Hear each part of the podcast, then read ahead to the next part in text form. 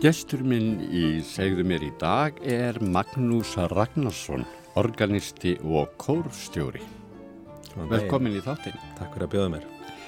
Magnús, ég ætla að byrja á annari lískrein heldur en tónlistinni. Þú ert af komin að þekktum, þekktu leikúsfólki hérna svona fyrir á tíð. Já, Indri Vóge hérna var afi minn sem að ég því miður kynntist aldrei, móður afi minn, uh, dó 1963 en var mjög lifandi fyrir mér og okkur börnunum og sískinunum og hérna, fransískinunum því að mikið talað um hann uh, og uh, hann var að mikill leikarætt uh, fadir hans Jens B. Vóge leikari og, og sýstur hans nei, byrju, var það móður, já, var alltaf og hérna, og svo afi hans Indrið Einarsson sem samti mörg verk sem er mikið flutt á sínu tíma og, og nýjarsnottin sem er kannski lifi kannski og dansinu hruna uh, sem að hérna maður flýtu mikið tónlistun og núna hérna ímsar aðtafnir hérna sem Avi Maria sem séu allir Kaldalóns sandi einn fallegasta hérna, Avi Maria sem til er. Og Indrið er samti ljóðið. Já, Indrið er samti ljóðið sko, já, en hérna, og svo er þetta móðubróður minn fór líka út í leiklist Uh, og ég fór, við fórum mikið og mamma og, og amma líka og fleiri voru duglega hérna, að drífa okkur í leikús þegar ég var krakki, sjá ímið sparnarsýningar eða bara fullari síningar fór mikið í þjóðlugúsið og ég man þess að stundi þegar maður settist í salin voru að horfa á Stöðlaberg í loftinu og þetta rauðað tjald og mikill æventyri heimur sko. og bara, og svo fekk maður að fara baksviðs og sjá þetta stundum sitt í stúkunni með ömmu, sko, leiksturinn voru ofta að bjóða henni Svo fannst mér mjög merkilegt núna um daginn því ég var að vinna í þjóðlugusunnu uh, í la fyrsta skipti sem ég vann eitthvað sérstaklega þar og koma aðná núna bak þess að við vorum að vinna hérna í, í, Brúkubi Fíkarós í óperunni. Já, þú veist uh, kostjóri óperukostir. Já, að vinna þjóla hann þarna. Það var svo merkilegt að fara þarna bak við að sjá einan ævindir heim frá því því að það var krakki að sjá hvað þetta er unni kompakt og lítið sko. og hvað augað og hvað hérna, lýsingin og leikmyndin getur blekt mann sko. en það er mikill sjarmi finnst mér í þessu húsi sko. og, og mér er ferlega gaman að þessu sko. og ég er mjög þakklutur fyrir þetta uppbildið að vera drifið svona oft í leikusið og held fyrir vikið að maður hafi svona næmt auga fyrir leikusflæði sko. og ég verði að vissu litið smitast kannski líka í því störmin sem ég, þegar maður er að uh, flytja setja upp eitthvað, eitthvað tónverk og eitthvað svona heldar, heldar sín hérna, ekki það að maður þurfa að gera eitthvað sérstaklega leik, leikrænt en, en þetta fljóti vel sko hérna.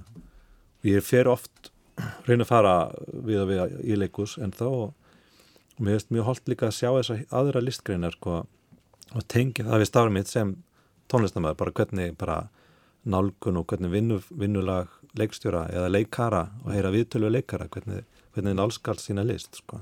Þið langaði aldrei sjálfur að verða leikursmaður Þú varst nú eitthvað að dadra við þetta. Jú, sko, fann, jú, ég var á sko, jú, þegar ég var jú, ég held að með minnunu með langaðun eitthvað tíma, eitthvað tíma þegar ég var krakki að verða leikari. En ég held svona, ég hef ekki haft taugarnar í það en ég sérstaklega endilega á sínu tíma til að hæfilegana í það heldur. En hérna eh, af því að ég er svona til til að feimina Elisveri og, og sérstaklega áður fyrr en samt gæt maður alveg farið þannig karakter bæði í skólanum að tróðu upp með einhver, einhver uppakomur eða hérna og svo stopnuðu við krakkarnir í hverfinu uh, leikús bara sem við í bílskutum hjá, hjá mér.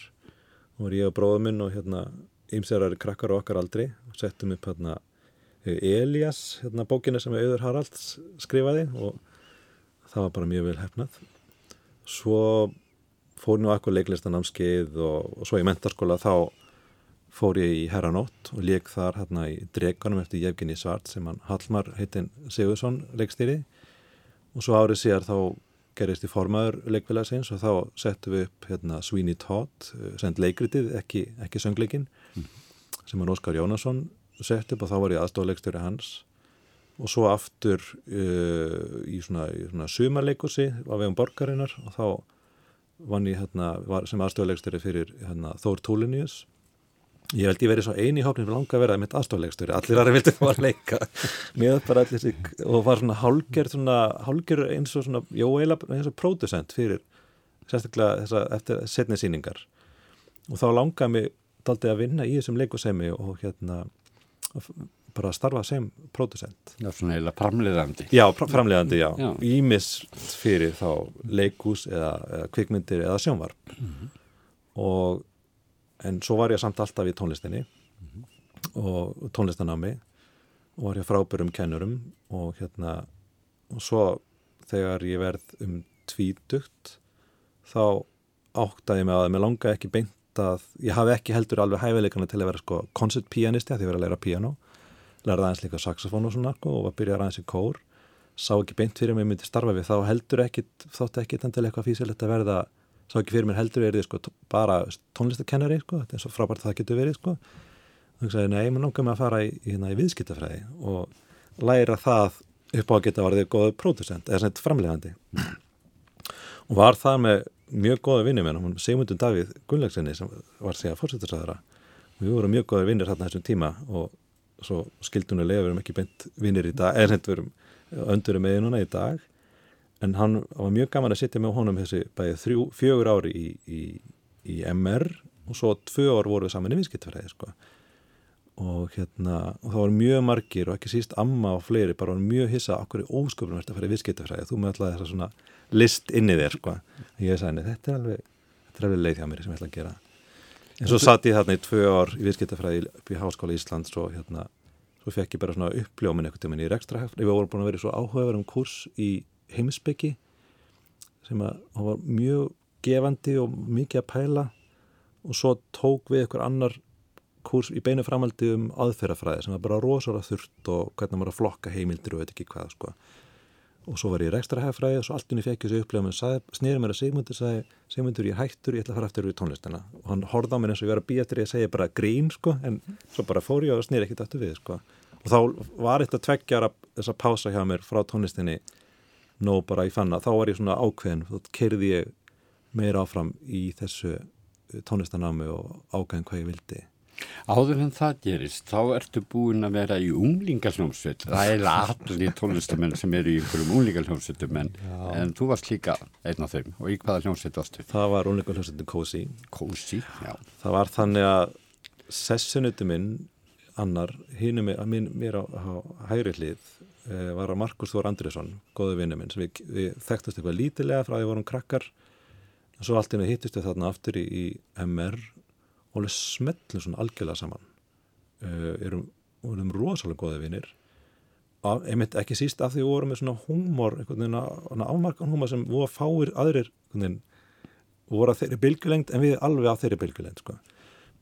og svo kring gegnum þessi, kringum þessa leiklistar þessi leikrit, þá kynnistu við ánum Ragnar Kjartans og Úlfi Eldjátt og þeir voru í öðrum hóp sem voru sömulegis mjög sérstakann húmor sko, og sett upp manni bara í hagaskólu og MR þá voru að setja upp ímislegt sem að var oft svona mikið svona enga húmor hjá þeim þeim varst alveg óbærslega skemmtilegt en kom oft vel út sko. Og svo við fjórir einhverjum ástöðum finnum hverja aðra bara og húmorun okkar, sem ég og Markus með mjög afmarkan húmor og Úlfur og, Ragnar með mjög áverkan humar og það saminast okkur mjög þröngu sveiði sko, það sem að hérna okkur finnst ég alveg ábáslega finnir og hérna og varum alveg skemmt að sjálf um okkur.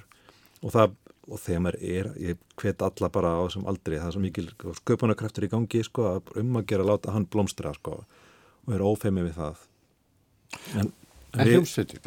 Já, og svo bara gerist það einhvern veginn að að uh, það var svona mjög einu alvarlegustu viðbyrjur ársins í MR var svona uh, tónlistar voru tónleikar sem að krakkarnir, nefndunir skólanum spíluðu háklassiska tónlist sko. og hann Úlfur sem er svo mikill hérna, uppreysnasegur hann ákvaða að, hérna, hann og Markus skilti fara hérna fram og spila eitthvað allt, allt öðruvísi en eitthvað svona ekki háklassist sko. hann ætlaði að taka held ég voru í Vaklaskói sko, gamla rocklæðan Jónasar fyrir ramaskítur á panflutu eða eitthvað svona bara hérna, var mikið rebel sko og hérna svo fara þeir að æfa. Ég og, Ragnar erum á staðnum og við allt innum bara förum að spila með þeim. Þannig ákvæmum bara að koma fram fjóri saman á þessum einu kvöldi sko, átt ekki að vera meira neitt sko.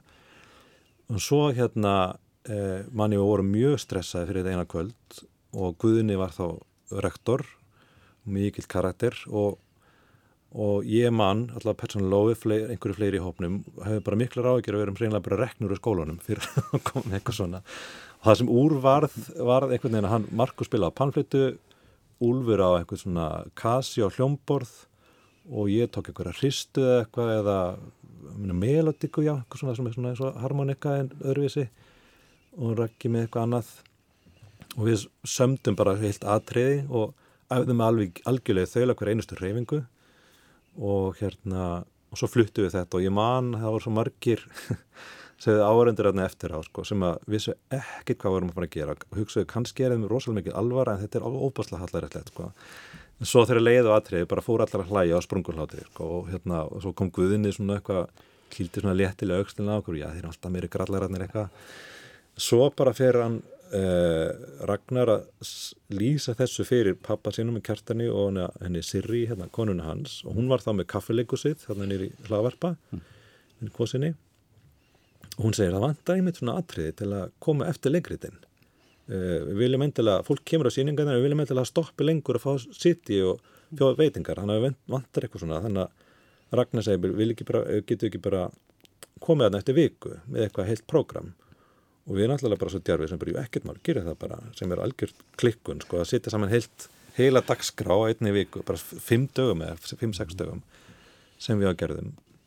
Og svo fyrir við þarna syng, þetta var að lögutaskvöldi viku síðar og við erum búin að æfa alla vikuna og náttúrulega fullu í MR og í tónlistanum og við veitum ekki hver að það var próf og svolítið við ekkert bara þröngunum einhverjum tíma til að finna til að æfa svo man ég bara á leiðinatni niður eftir þá sömulegis ég hef bara aldrei verið einn stress ára æfinni sko. ég vissi ekkert hvernig fólk við allir, við vissum ekkert hvernig fólk myndi að taka þessu það var svo mikill enga hómor sko. og fólk vissi ekkert hver við vorum og hérna annarkvæmt er þetta bara hræðilega vandræðilegt eða myndi slá ykkur, það var einhver stað þar á milli sko. og sömulegis þá bara byrju við með eitthvað svona lag og maður skilnjar hvað skrítist ennu ekki fólki bara hvaða náðungar er þetta? Jakkafötum og hérna, spilaði eitthvað dóta hljóðfæri og þetta ekki hvað? Svo bara hefnast þetta mjög vel og hérna mjög fengnir beðnum að vera bara áfram og nokkur kvöldi viðbót. Og svo var einhver þarna í hópni sem segi hérna get ekki panta eitthvað hérna fyrir færtu sammali eða fymti sammali eða saumaklubin eða ásatíðan eða ekki hvað og svo bara spannst þetta svona áfram sko. þannig að hérna þetta var mjög skemmtilegu tími sko. og maður læriði líka heil mikið á þessu bara hvernig það koma fram og bara raðið prógramu þess að það sko.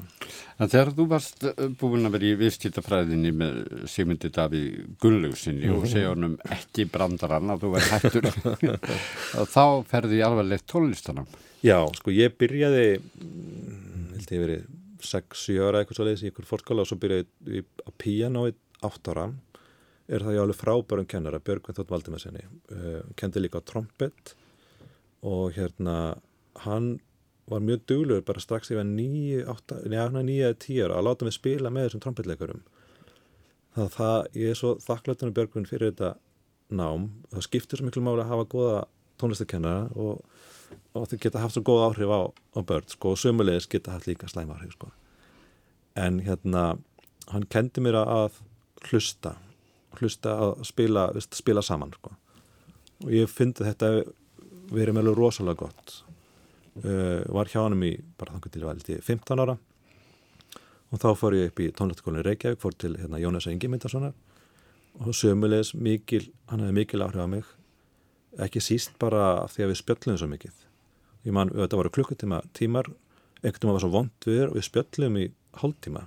Bara um tónlist og bara lífið sko. og þetta getur ímyndaði fyrir sko, 16-17 ára gutta sko, þá er þetta þetta er svo mikið mótunar ár sko. þetta er, hérna, hefur gríðilega áhrif á mig og ég var mjög, mjög þakkláttur. Um, svo uh, uh, fór ég líka aðeins til henni Jónas Sen og hann kendi mig líka mjög svona margt flott og teknilegt og fínt. Svo fann ég þarna tvítur nei, ég ætla að uh, hætta bara. Svo fór ég þessi tvö ári viðskiptafræði og svo fann ég aftur köllunina bara nei, mér langar að fara mér í tónlist uh, hefur mikið náhuga á stjórna. Uh, og fara út í það. Og þá þá fór ég til hennar Guðriðar Sigurðardóttur.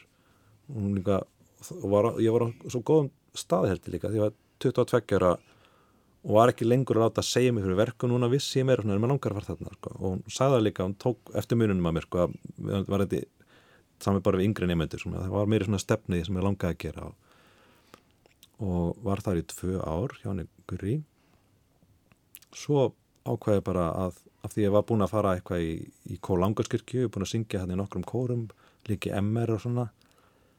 Og mér fannst þetta heitlandi, þetta kórstjárastarf uh, þetta átti einhvern veginn vel við mig. Og þess vegna fór ég í tónskóla þjóðkirkunar í organistanám uh, hafði rauninni voða lítin eða bara engan áhuga á orgeli. Það er bara aldrei snertað að spila, það var alltaf náttúrulega mikil pianisti sko.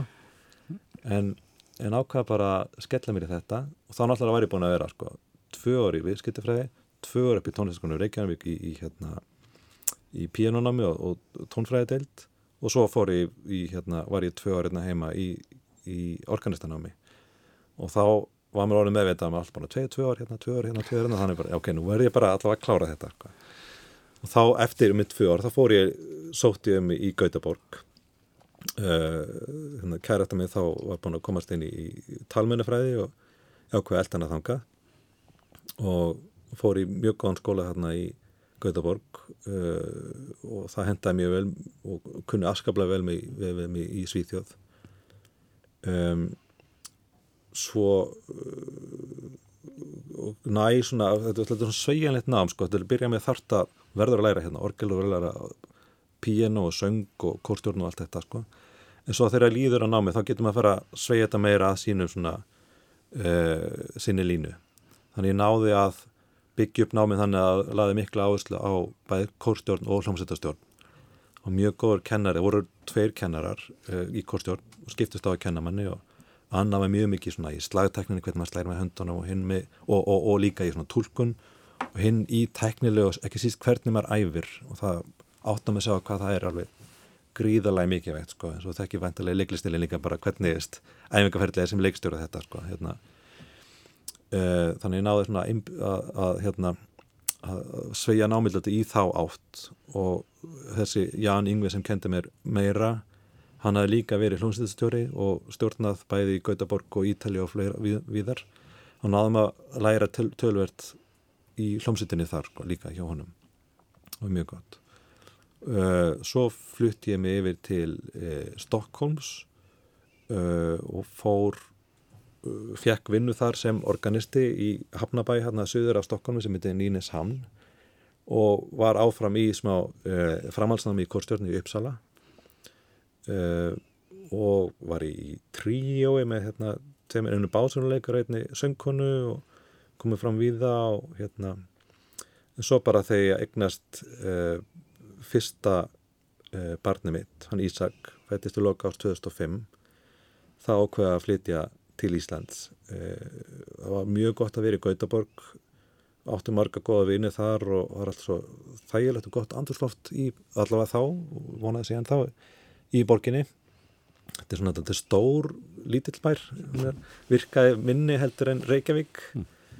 eh, og það er allir svo áhuga samar um hann og ég var í æðislegum kórenni Gautaborg, söng þar og það var alltaf verið að spyrja mig um Ísland og bara, veit ekki hvað, og svo stjórnaði hérna verið tókið við háskólakór líka í Gautaborg kórversluna háskólans og indislegu félagskapur.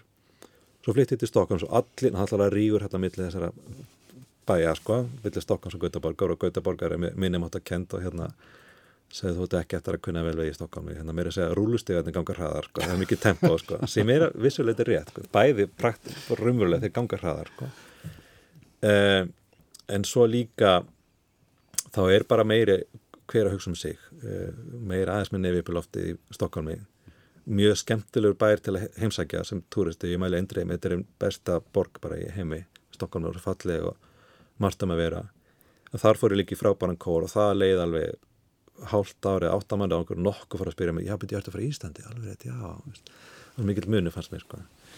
Þannig að við vorum þarna í Stokkólmi með fyrsta batnið og fundum við vorum ekki með stert viðnanett, sko. Og eins, eins og flesti vita, þetta reynir á að hérna, eignast fyrsta batn og hérna e, þannig ákveðum bara að flytja heim til Íslands. Og þá hafði eh, verið haft samband við mig hún, hérna Gurri, píanakennari minn var æfingapíanisti hjá söngsutinni Fílamanni hún segir hérna það eh, hann Bernardur Vilkisson sem hefði stjórnað kórnum í mörg ár hann hafi flutt svolítið óvænt til Færaja þannig að Ólífur Kentis eh, tók við í afleysingu, ætlaði ekki að gera lengi, lengi en svo kom í ljósa að Benni myndi ekki koma aftur tilbaka fyrir að færa um, þá sagði Ólífur, herri, ég ætla að hafa ekki auksum að vera lengi, þannig að hérna, staðan var auðlist og hún Gurri, píanokennari minn, vissi að ég var að búin að einbita mig mikið af þessum eh, kórstöðnapartinum þannig að hún bendir kórnum og stjórn kórsins á, á mig meðan annars. Og þau náttúrulega höfðu alla án góti og höfðu að byggja á samband við fleiri. En þau segðu, heyrðu, við vitum að þeir endilega sæktum og þetta var um hausti 2005 og ég sagði, ég hef mikið náhuga sem ég get bara ekki flutt heim fyrir en bara á, á þetta barn, sko, þannig að ég get ekki tekið þessu stöðu, sko, það er bara, ég hef sagt allavega svo bara mæti hérna viðtal bara og einmitt svo slaku bara því ég býst aldrei að ég fá þessu stöðu, sko, það merkileg stafnun og mikill kór.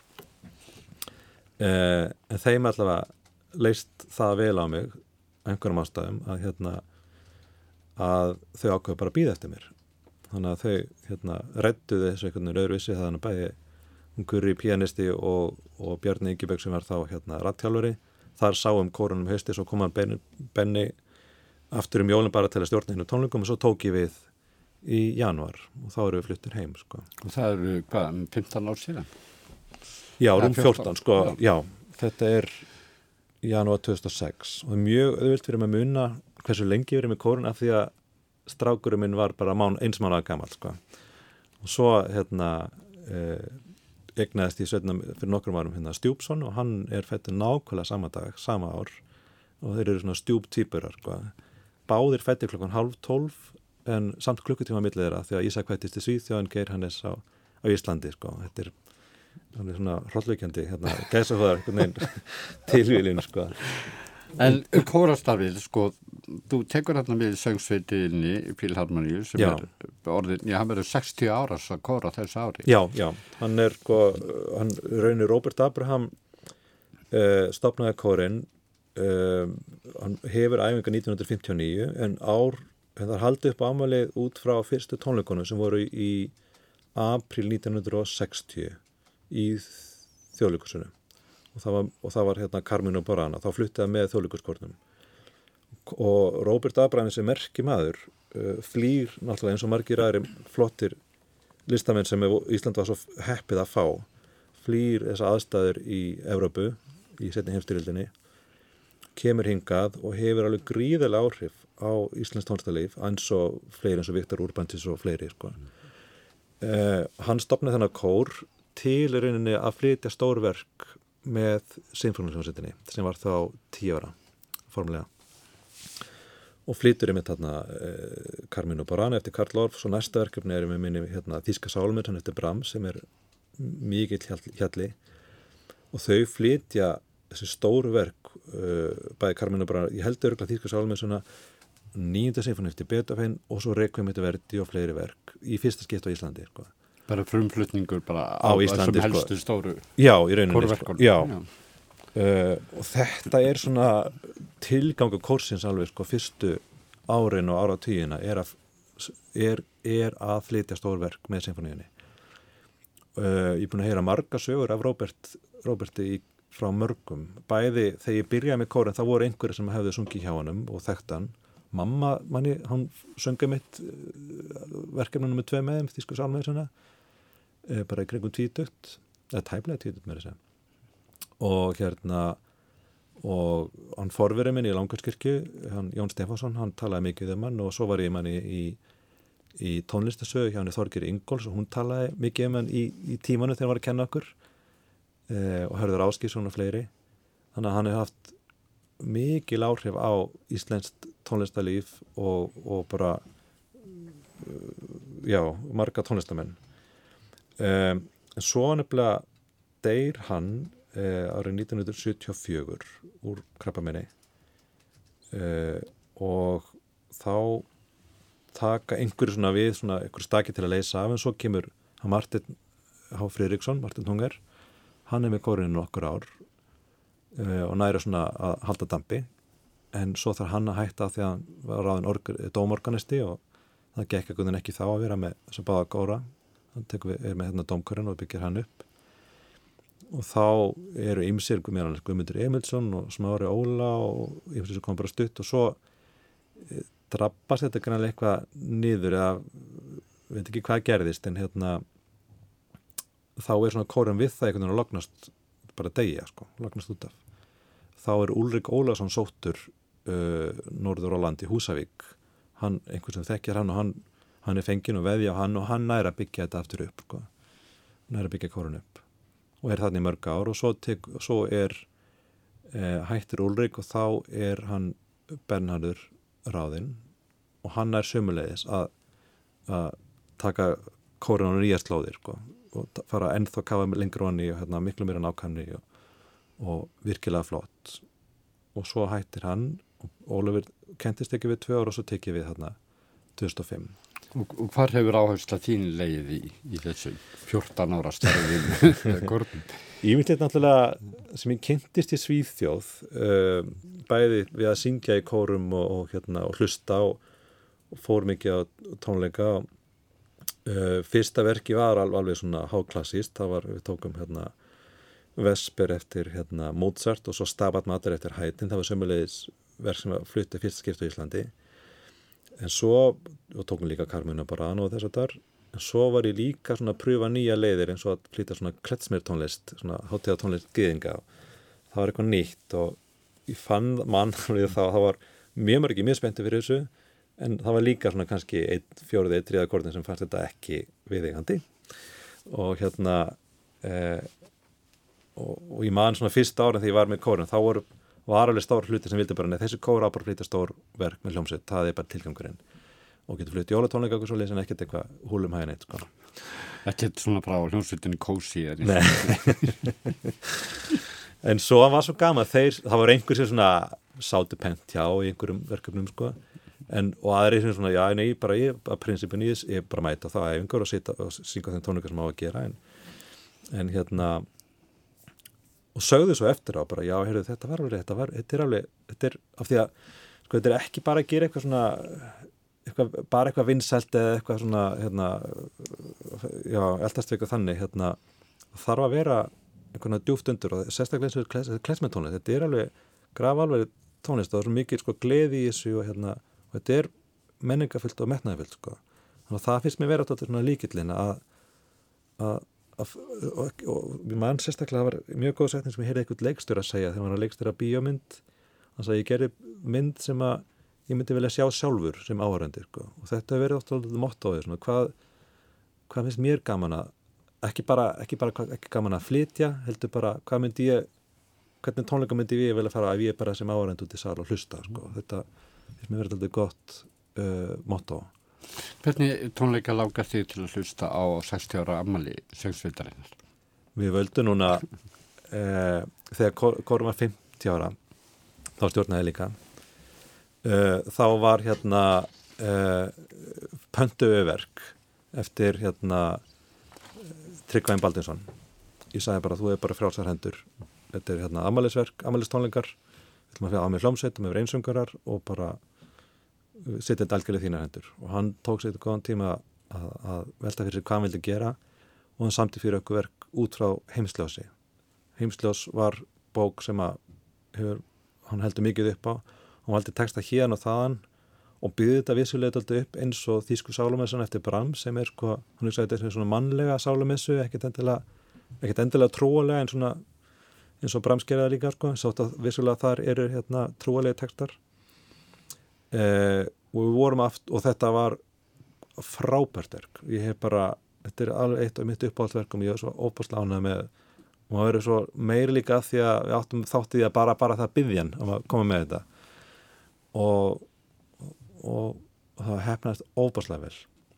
Og hérna við fluttum þessu aftur nokkur múinu síðar og tókst ekki síður vel. Og kórfélag tala svo mikið um þetta verk.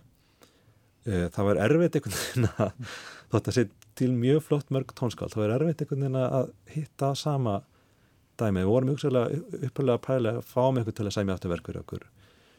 En, en það hafði alltaf blundið í mér draumur um að flytja Reykjavík með verdi sem er ég, er alveg stórkortlegt verk.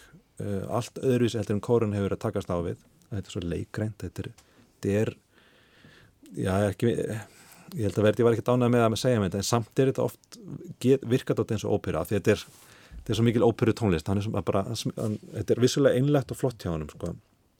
en líka mikið dramatík bara, og þetta, það er bara hans, hans verkfæri, hann, hann skrifa þannig uh, og ég náttúrulega hef unnið í óperunni og, ég var í fyrra bara í Latrava Jata og það er margt sem að mér veist tengið þarna milli sko. En það hafa búið að vera draumir hjá mér í mörg ár. Uh, það eru svona þrjú verk sem að hérna, mér hefur hugsaði að mér langa svo að stjórna fyrir kóru hljómsveit aðurinn í degi. Og það var einmitt Þíska Sálamessan eftir Brahms fyrir, með hljómsveit. Og ég flutti það 2008, það var ég rúmlega 30 33 ára.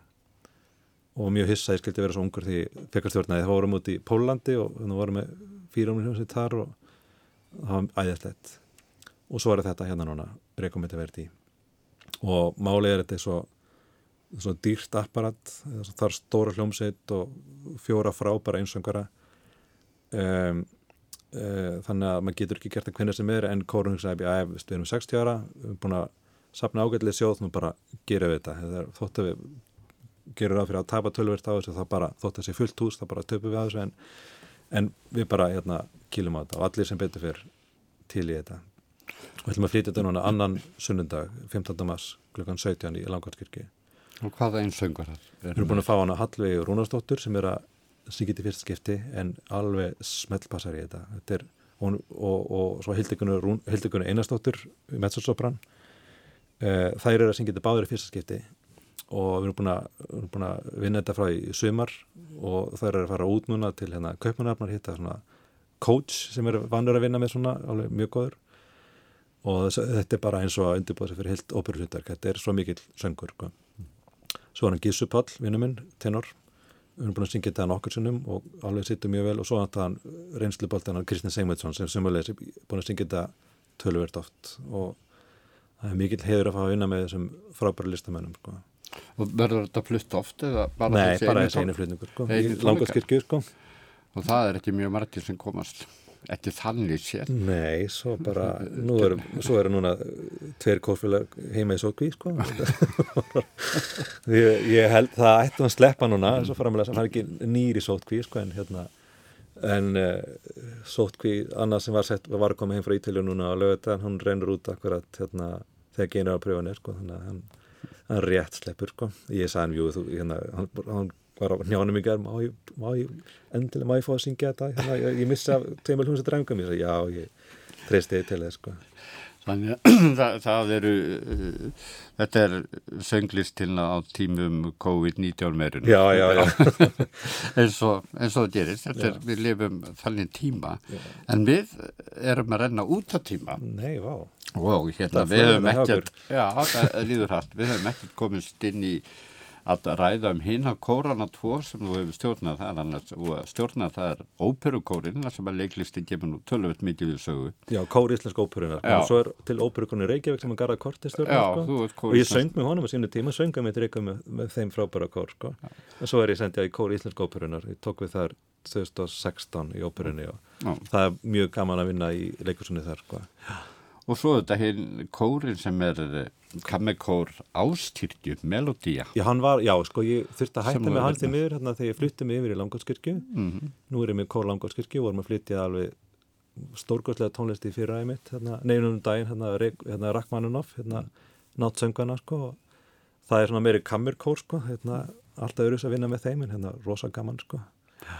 En við allavega ljúkum þættinum á því að heyra melodíu, kammekór ástyrkju syngja móðu mín í kví kví já, eftir hann útsetningar eftir hann halvega Hallgrímsmann sko, alveg mjög skemmtilegt virkilega flott útsetning, sko, ég alveg heitlaðist ég heyrði mitt hamralega kórum flytja þetta fyrst með Þorgur Ingóls og hafði sabbatið haflega bara má ekki flytja þetta bara í endilega Við heyrum þennan flytning en Magnús Ragnarsson, organisti og kórstjóri Takk fyrir komuna í Segumil Takk fyrir spjallið